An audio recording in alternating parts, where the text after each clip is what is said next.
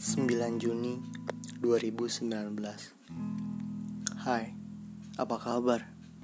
Apa kau ingat terakhir kali kita bertemu? Pada saat itu kau suguhkan raut muka yang dingin. Sepertinya kau terpaksa untuk segera berjumpa. Saat itu, tidak sedikit pun gue hadirkan rasa curiga atau prasangka buruk kepadamu. Mungkin saja, kala itu kau sedang merasakan segala penat yang kau pikul dengan perlahan, beberapa tanya aku sampaikan. Namun hanya diam yang ku dapatkan. Saat itu aku benar-benar tidak tahu harus berkata apa. Di depanmu, aku hanya bisa diam dengan bisu. Kita duduk bersebelahan dengan erat. Namun sama-sama dengan mulut yang tertutup. Sampai-sampai suara gerimis depan rumahmu terdengar sangat jelas. Mestinya hari itu kau katakan saja bahwa kehadiranku tak lagi membuatmu nyaman. Keberadaanku tak lagi membuatmu kembali seperti biasa. Atau katakan saja kamu menemukan seseorang pengganti aku.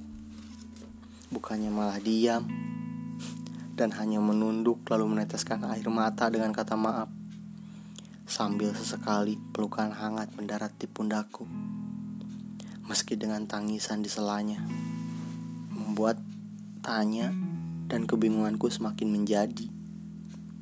Ya, aku bersikap bodoh saat itu. Harusnya kala itu aku lebih cepat menyadari kau bersifat seperti itu karena kau berniat ingin pergi untuk menyudahi semuanya. Jika saja aku tahu dari awal, niatmu sudah bulat untuk mengakhiri semuanya namun terhalang dengan rasa iba dan kasihan hingga menahanmu untuk berucap. Biarkan saja aku yang mengucapkan semua kata pisah, seolah-olah aku yang brengsek dalam hal ini, agar iba dan rasa bersalah tak pernah mengantuimu. Tapi ny nyatanya kau lebih memilih pesan singkat untuk menyudahi semuanya. Di malam itu, tepat 9 Juni 2019 tengah malam. Semua maksud dan keinginanmu kau utarakan. Tentu saja kau berhasil membuatku terkejut. Rasa tidak percaya itu nyata.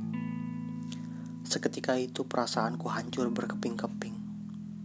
Seakan malam tak akan pernah lagi menjumpai siang.